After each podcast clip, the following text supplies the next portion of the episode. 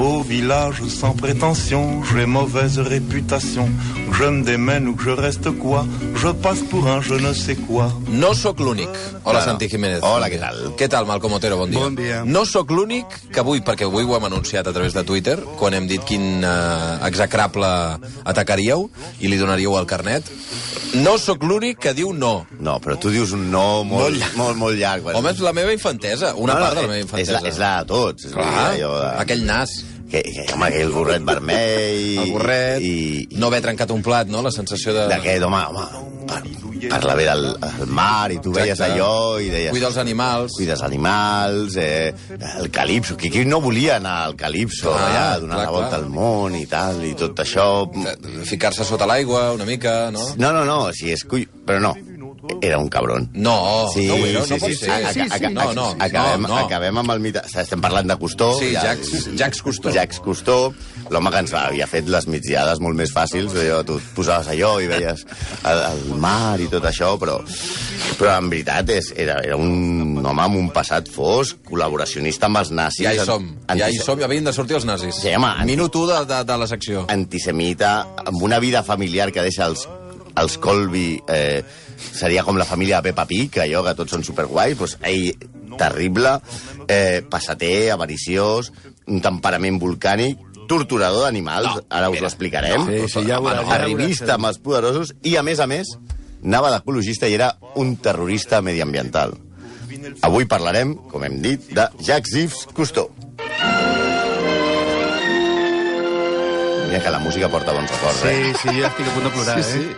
Sí, però bueno, com, com la majoria dels francesos... eh, Quina nàpia, de debò, eh? No, era una nàpia molt gran. Sí, sí, sí, un home, un home amb un nas... Sí, tenia aquesta gran personalitat, no? Sí, Però bueno, sí. com a molts dels francesos que hem, que hem fet els execrables, us en recordeu, Mitterrand, De Gaulle. Eh, de Gaulle, Cousteau es va inventar un passat heroic per poder sobreviure un cop acabada la Segona Guerra Mundial. Res estrany, si França com a país es va, inventar, es va inventar un relat segons el qual havien guanyat la guerra dels nazis... Sí, els estan francesos- convençuts encara que van guanyar ells la Segona Guerra Mundial. dius, no, nosaltres vam guanyar la guerra dels nazis, sí, sí. pues els francesos particularment es van sentir lliures d'inventar-se cada un una història a la resistència. Però bé, alerta, si tots els francesos que van lluitar a la resistència diguessin la veritat, no s'entén com Hitler va arribar a penjar l'esbàstic a la Torre Eiffel. És com els que corren davant dels grisos, no? Exacte. Se, i és sempre un- hem dit que li va costar més a Indurain guanyar un Tour de França que a Hitler arribar a París. Molt més. Però és una Apa, mica... sou uns animals. És una mica com passa amb el concert dels Beatles a la Monumental, no? Que tothom hi va ser. Sí, senyor. Pas de l'ESO, la, la Monumental és aquell edifici raro on a vegades va- posen un circ on hi havia corrides de toros abans. Això. Sí. A veure, comencem per Cousteau. Cousteau era un oficial naval, era un militar, Sí. i, i després de la Segona Guerra Mundial va rebre la Legió d'Honor mm. eh, per suposadament ajudar la resistència amb una missió secreta. Però Bé. això ja parlarem després. Però els seus biògrafs, eh, no autoritzats, òbviament, perquè Mhm. té biografies autoritzades i no autoritzades, que és d'on hem tret tot el que, la merda que li tirarem ara, un tio que es diu Bernard Violet, que Sí? és el meu ídol, eh, Ah, sí? han descobert que la seva història presenta dades qüestionables. A veure. D'entrada, hi ha un problema de dates. Sí, perquè d'entrada sobta que el seu primer documental va ser fet l'any 1943. Ojo! És a dir, en plena ocupació nazi, i que va ser financiat pels alemanys. Pels nazis. Pels alemanys nazis, clar. Perquè a Gorin li encantava també això de veure tortuguetes i peixos. Ai, que alguna cosa, alguna cosa comença a grinyolar... Ai, ai, ai, ai. També grinyola una mica o- Otoe, bàsicament. Ot- Grinyola Otoe els antecedents familiars i la, la família del, del pàjaro aquest del gorro vermell. Sí. El seu germà, que es deia Pierre-Antoine Cousteau, Cousteau, va ser el director d'una revista d'ultradreta. És a dir, més o menys com a l'Ok Diario, però ben escrita i en francès, no? I que la revista es deia Jésus i Pactu. Era Com? una... Jo soy per tu. Sí, eh, era una revista obertament col·laboracionista amb els nazis, antidemòcrata, admiradora del Ku Klux Klan, feia grans eh, elogis al Ku Klux Klan i antisemita. Mireu com havia de ser el germà del nostre comandant, que quan va acabar la, la guerra va ser condemnat a mort per col·laboracionisme amb, amb els nazis. Però les influències del seu germà, que ja començava a ser famós, l'oceanògraf, van, van aconseguir que li commutessin la pena de mort per eh, treballs forçats i després, en 12 anys, va ser amnistiat. Sí, amb raó direu que tenir un germà fatxa, encara que sigui Otoe fatxa, no vol dir res. Mireu els Fernández Díaz. Va. Vinga. Ara, potser aquest és un Aquest nom. no- aquest no seria l'exemple. No, no, Però no. és que també han descobert unes cartes del propi... Aquell llic, que és com el whisky, però amb jota, Com el Dick, però Gic. Gic, que és, com, el, el coneixen a França, aquest tio, en, la que es, de- en les que es demostra que les idees del seu germà no estan tan allunyades de les seves. Tornem a Bernard Violet, el, el, el, El teu ídol. El meu ídol. Que Bernard Violet vindria a ser per costor com a Ernesto Kaiser pel fiscal Mur. Més o menys, eh? El que va traient tota la Li, merda. li va traient tota la merda. Ell va publicar De Kaiser. eh, fa, fa, fa uns anys una carta de costor del 41... Toni. Sí, home, evidentment, o sea, el tio va... No, como me dice, eh, esto... Seria el, el Kaiser de, de costor seria el Bernard Violet. Que ell... Eh... En otros términos. Ho fas molt bé. Va, és que de Kaiser és És un meravellós. gran. Eh, li va treure una carta, unes cartes, una correspondència, del 1941, en el que el comandant es queixava de les molèsties que causaven a Marsella tots els jueus que fugien de la persecució nazi. Ella va escriure amb un amic seu dient-li Són bruts, pesats." estan sempre ocupant el port i tal. Home, a veure, senyor Costó, què volia, que agafessin el tren tranquil·let per anar a Polònia o que agafessin un barco per anar-se als Estats Units i salvar la vida? Són raros, els jueus, eh? També és Violet, o sigui, el Bernard Violet, aquest que és el- l'ídol del Santi, Sí. el que va rescatar una antiga revista francesa, heu encertat, la del seu germà, Sí. en la que es veu que Gic, tot satisfet, amb una audiència amb el director de cinema del Tercer Reich, envoltat de centenars d'oficials nazis, i que va descobrir que la missió secreta per la que va ser condecorat era tan secreta que ningú la recorda. No. És a, no, no, És a dir, no va existir mai. No. No va existir mai cap missió secreta de Custó. Però, Bueno, Custó va netejar el seu nom de qualsevol rastre de nazisme, més o menys com Aznar amb el franquisme, més o menys, i, Vinga. i, i fins i tot eh, la seva popularitat era absoluta a França. El 1981, penseu, va rebre 80.000 cartes pels de l'ESO. Una carta eh, és com un like o com un retweet, però fet a mà i que es pagaven i s'enviaven amb una estampeta. Bé, demanant-li que es presentés a les eleccions presidencials Oh, de. França. Pre president Custó, estat... President Custó. A Espanya què haríem? Què, faríem? Pues, pues, a Pablo Motos o a Javier Cárdenas No. i, en, i en tot cas, posats a triar un mentider com a president, en recordeu, ja van, tri- trigar, ja van triar Mitterrand, que era un professional, més professional que Custó, eh? Ja veureu que ha generat quantitat de cançons horribles com aquesta de John Denver que, que sobre el Calypso, no? Perquè la popularitat de Custó eh, era, era absoluta. El seu programa, el que sentíem la sintonia al principi, el món submarí de Jacques Cousteau, s'emetia per tot el món, eh, a 150 països. Eh, estava produït per l'ABC americana i, i per National Geographic. Es suposava que era un programa ecologista, que suporava amor pels animals i per conservar... suposava, no. no! era- Com que no? No, no, no, no.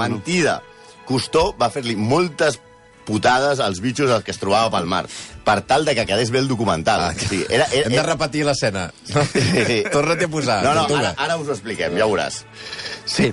Un, un exemple d'això que estem explicant és el que li va passar a Pepito i Cristóbal. Qui són Pepito i Cristóbal? És una gran pregunta. Pepito Dos Cristóbal. llaus marins en els que els, el comandant es van capritxar mentre filmava a Sud-àfrica. I Eren li va tan- posar ell el nom, Pepito i Cristóbal. Sí, eh? de bé, quins noms. Eren, eren tan intel·ligents que va decidir capturar-los i endur-se'ls pel món per filmar sempre amb ells. Sí, es veu que el tio va... sigui, estaven a llibertat i va dir, ja, ja, ja no sou en llibertat, ara sou amb mi. Segons explica un dels seus fills amb unes memòries o toe crítiques contra el seu pare, perquè el, El fill, eh? El fill va acabar fatal, el Jean-Michel va acabar fatal amb el seu pare. L'altre no va acabar fatal perquè es va matar. Però bueno, eh, Ai, noi. ell, ell explica les seves memòries. Cometes. Retirar aquells lleons marins del seu hàbitat natural, principalment per l'entreteniment del públic americà, va ser un acte de crueltat. Més encara, les càmeres van captar hores i més hores en les que papà i la tripulació tractaven a Pepito i Cristóbal com animals de circ. No hi ha excusa per fer el que els hi va fer. Pepito i Cristóbal van creuar els, oce- els oceans tancats a les gàbies que els submarinistes utilitzaven per protegir-se dels taurons en les seves immersions, que anaven lligades al calipso mentre es feien, es feien ferides mirant d'escapar-se sense entendre res. Clar, Ai, ai, tu agafes el lleó marí de Sud-àfrica i dius, ara ens anirem a Mèxic. Amb No, el, ja- I el tanques amb una gàbia, lligues la gàbia al, al, al calipso i te l'endús fins a Mèxic. Sí, segons el seu fill, no havien conegut altres condicions més que la vida en llibertat. Així que era perfectament lògic que es donessin de cops contra els barrots. El final de la història de Pepito i Cristóbal és tan trist que podria fer-se un, un telefilm d'aquests d'Antena 3 dels dissabtes a la tarda en què tots són desgràcies. Cristóbal, un dels lleons marins, va aconseguir fugir, però un pescador portorriqueny, o sigui, de Sud-àfrica, va arribar a Puerto Rico, Mo- el va capturar a uns 100 quilòmetres del port de San Juan i el va vendre a una extravagant milionària americana que va pensar que seria divertit tenir un lleó marí a la seva piscina per sorprendre els seus amics. Òbviament, podeu imaginar com va acabar la qüestió Sí, de, però de, a, a de Cristóbal no li va anar massa millor. Pepito. Pep, aquest, aquest era Pepito. Que va acabar la piscina de la senyora. De la senyora, sí. I Cristóbal va menjar-se un gripau de mar, clar, Eh? un gripau de mar, una, una cosa que no era la seva alimentació bàsica, sí. però clar, és que hem de, de recordar que estava fora del seu hàbitat. Es va, enfar, es va enfermar i va morir. Voleu més? Mira, per fer encara més negoci, Cousteau va muntar dos parcs oceanogràfics. Un a Mònaco, del que parlarem de seguida, i un altre a París, que va acabar tancat per una fallida econòmica. Va omplir el de París amb dofins que ell mateix capturava i que havien de sobreviure en condicions lamentables, amb unes piscines massa petites pels dofins. Tant que la majoria dels dofins van acabar suïcidant-se, perquè els dofins, sí, sí. quan es... Quan, Què dius? S'estressen, eh, sí. Acaben donant-se de cops contra la paret i se suïciden. Se li van suïcidar tots els dofins. Què? Va caient el mite, no? Sí. Cal dir que en privat, cal dir que en privat Cousteau va expressar remordiment per com tractava aquestes criatures, però en públic mai va reconèixer la seva errada. El, el meu pare era així. Eh, Això, reconeixia això ho una- deia Jean-Michel Ah, a les seves memòries. El, deixa, llegeix la, la, diu, el meu pare era així. Reconèixer una errada anava en contra de la seva natura. I és que el, comandant, el, el caràcter del, del comandant era, per dir-ho suau, autoritari. Pas de l'ESO, com la teva mare quan són les 3 de la tarda i encara no t'has llevat. Els seus socis el definien com un fucking ring knocker, que en castellà seria un por mis cojones. Sí. Ah, o sigui que ell feia el que... Fucking deia. Knocker és una, una expressió molt, molt clara perquè és amb l'anell pagant a la taula per dir esto se hace por mis, por mis pelotas, vamos. Sí, sí, sí. Però no se vayan todavía, que aún hay más. No, no, no sé si en tinc ganes, Sí, eh? mira, els seus documentals... Que m'està fent bastant mal. Ara veureu, ara dic, veureu. Eh, els seus documentals estaven absolutament falsejats i molts dels incidents que patia el Calypso o els animals durant els, els documentals i la sèrie no són més que fruit de trucs de guió, posades en escena i, i, i absolutament inventats, guionats. André Lavant, que era un dels, dels submarinistes que anava al Calypso, va explicar que mai va ser veritat el capítol en el que el submarí es queda atrapat, o un altre capítol en el que jo vaig sentir vertigen i em vaig desmaiar sota l'aigua. Diu, perquè a Hollywood corregien els guions per donar emoció i simular coses que mai passaven. Si arribem a ensenyar els films tal i com els rodaven, serien avorridíssims. Sí. I si això ho fèiem amb les persones, imagineu el que fèiem amb els bitxos.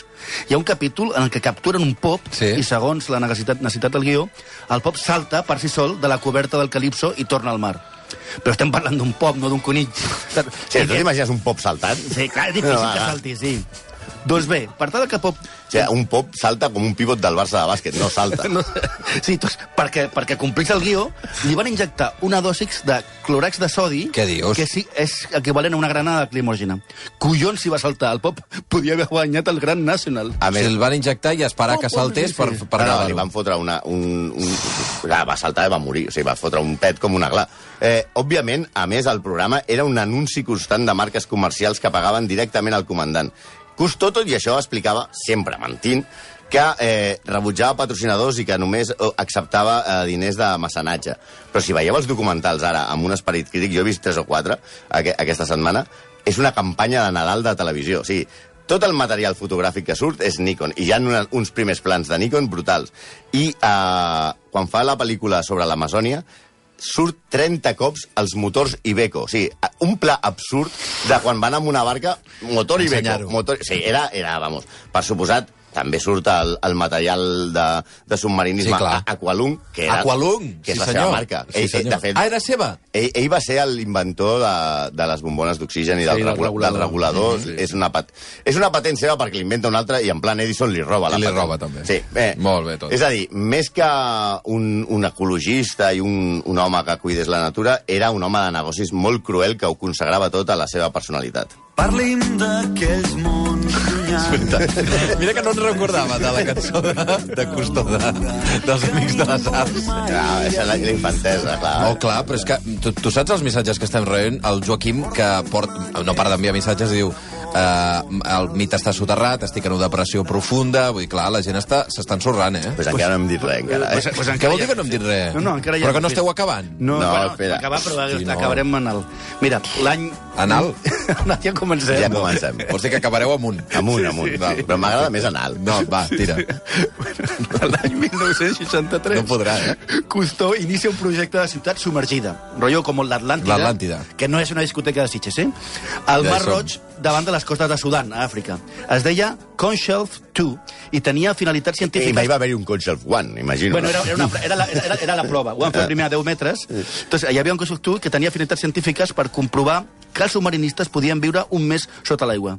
Tenia fins científics, però casualment el projecte el pagava la indústria petrolera que tan bé ha fet els mars. Sí, eh, Cousteau no deixava escapar ni una. Va gravar el documental eh, sobre la construcció d'aquesta d'aquesta ciutat submergida i, a més, va, va guanyar un Òscar i té dos Òscars, en el que Cousteau utilitzava... té dos Oscars? Sí, ah, no, no va sabia. guanyar dos Oscars a millor pel·lícula documental. I un és per, per, per el que fa sobre aquesta, per, per aquest projecte. El pitjor és que el defensor dels mars eh, primer va fer eh, va omplir el documental d'imatges d'arxiu que no eren seves i després allò no va funcionar i va deixar les instal·lacions, les va abandonar amb deixalles, cables, contaminant el mar. El Prestige va ser una cosa de nens comparat amb la merda que va deixar ell al Mar Roig. Sí, però la gran seva, la gran destrossa ecològica... Aquí, va, aquí. Va més enllà de putallar els llocs marins d'aquesta ciutat, de fer explotar un pop o de provocar el suïcidi d'uns quants dofins. El mal que ha fet Cousteau al Mediterrani encara porta de cap a molts científics que miren de parar la prolif- proliferació d'una alga assassina que posa en perill l'ecosistema de, tot, de tota la Mediterrània. A veure, anem, anem poc a poc perquè ara venen, ara venen paraules estranyes. Al Museu Oceanogràfic Cousteau a Mònaco Sí. s'exhibien peixos i plantes marines de tot el món. Una d'aquestes era la Caulerpa taxifolia, una alga marina de la família Caulerpachae de l'ordre biopsidal provinent dels mars tropicals, on el seu creixement és lent, moderat i fins aquí, pues res. Això estava al museu. Això, estava, al- això ho tenia al- a l'aquari que tenia a Una alga. Sí, una alga, o sigui, una planteta. Vale. Però un bon dia, a Mònaco decideixen netejar els tancs d'aigua i aboquen les restes dels aquaris al mar. Ai, ai, ai, ai, ai, ai, ai, Que, ai. perquè les parets dels mateixos prolifera aquesta alga. Ai, ai, ai, ai. I comença el desastre. Les, cortes de la, les costes de la Riviera Francesa, les italianes i les espanyoles es veuen invadides per un nou ser que no que ho arrasa tot el seu pas.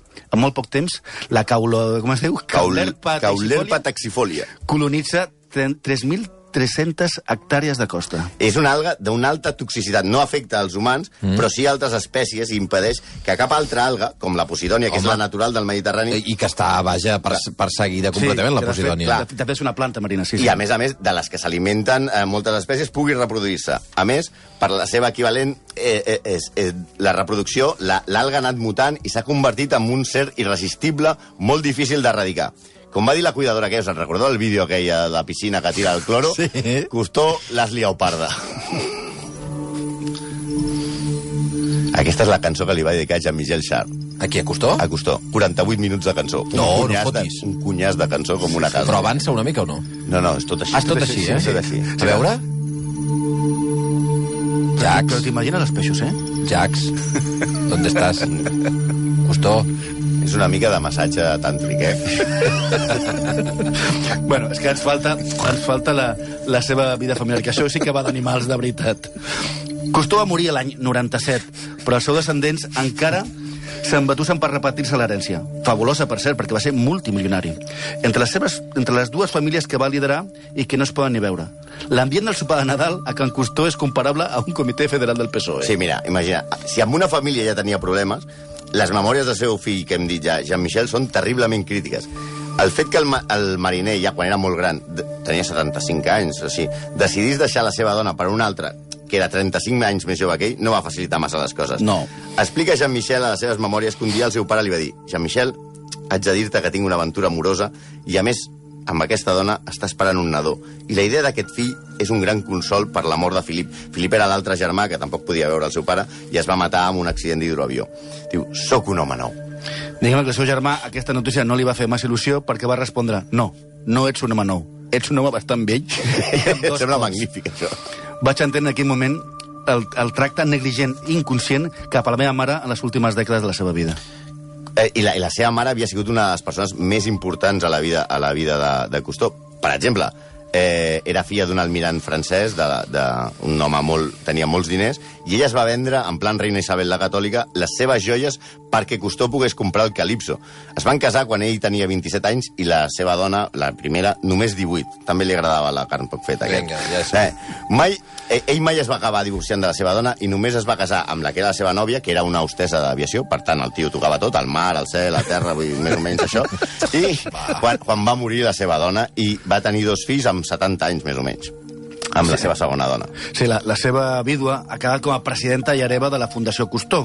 I les relacions entre una part de la família i l'altra són més que difícils si no almenys es veuen als tribunals per veure qui està legitimat per explotar comercialment el cognom Custó en una amanida de societats que van des de l'anomenada Fundació Custó a Equip Custó, Custot Society, a més de la Ocean Future Society. Tots lluitant pels royalties dels documentals. I finalment, i el Calipso, us preguntareu? Ai, sí? Que, pues, El vaixell, què? Sí, que el va canviar i va fer una vela aquella que era com... que, era, un, era un timo, que no, no, no anava per energia eòlica, en seguia anant amb, amb gasoil. Però bueno, doncs, enmig de totes aquestes baralles, el. Calipso un dia es va enfonsar a Singapur i el seu reflotament va endeutar molt a la Fundació Custó. I ells van demanar al govern francès que ho pagués el govern. El govern no va voler sufragar i la despesa, tot i que la petició popular van, van haver-hi cartes per salvemos el Calipso i tal. Era un change.org abans Sí, de... sí. Al final, el Calipso va ser subestat com un monument a la megalomania del senyor de les profunditats i ha quedat allà eh, com... Saps el, el Lazor, el, el, el lleter de Franco, que Sí. està en, en un restaurant de, Sí, sí, sí, de, el allà. d'Espenyaperros? Sí, sí. Pues el Calipso més o menys Sí, ho mateix. hi, ha, hi ha una cosa que no hem explicat perquè no ho tenim comprovat, perquè només sortia a revistes com Más allá, era tot rotllo Cuarto Milenio. Però hi ha una anècdota que diuen que, que diuen que per veure si hi havia mostres de profu- profunditats va posar un camell, el va enfonsar amb una corda Ai, ai, ai, ai, ai, perquè ai. se'l mengés Però el estava tauró. mort, el Ai, ai, ai, ai, No, no però si això és de, de personatge dolent de James Bond, home, de les piranyes, tu. Però això només surt a revistes de poca fiabilitat, però ho diem, això ho deixem. Missatge de Jordi Basté, eh, vaig a cremar els 10 volums de l'enciclopèdia Costó Mundo Submarino que tinc a casa la mare. Tota la vida enganyat. I Les espera, 11. quan comencem amb Félix Rodríguez de la Fuente. No, no, no, no, no, que Fèlix, no, no, és el no. filo, Home, i tant. 11, 11 i 6 mil, quin, quin, ostres, però estic destrossat, eh? No, no. Aquella nàpia, Aquella- insisteixo, eh? Sí, sí, sí. No, no feia preveure res de bo. No feia preveure res. 11, 11 i 6 minuts, gràcies, execrables. De res, home, al vostre servei. Per, per ensorrar-me la vida.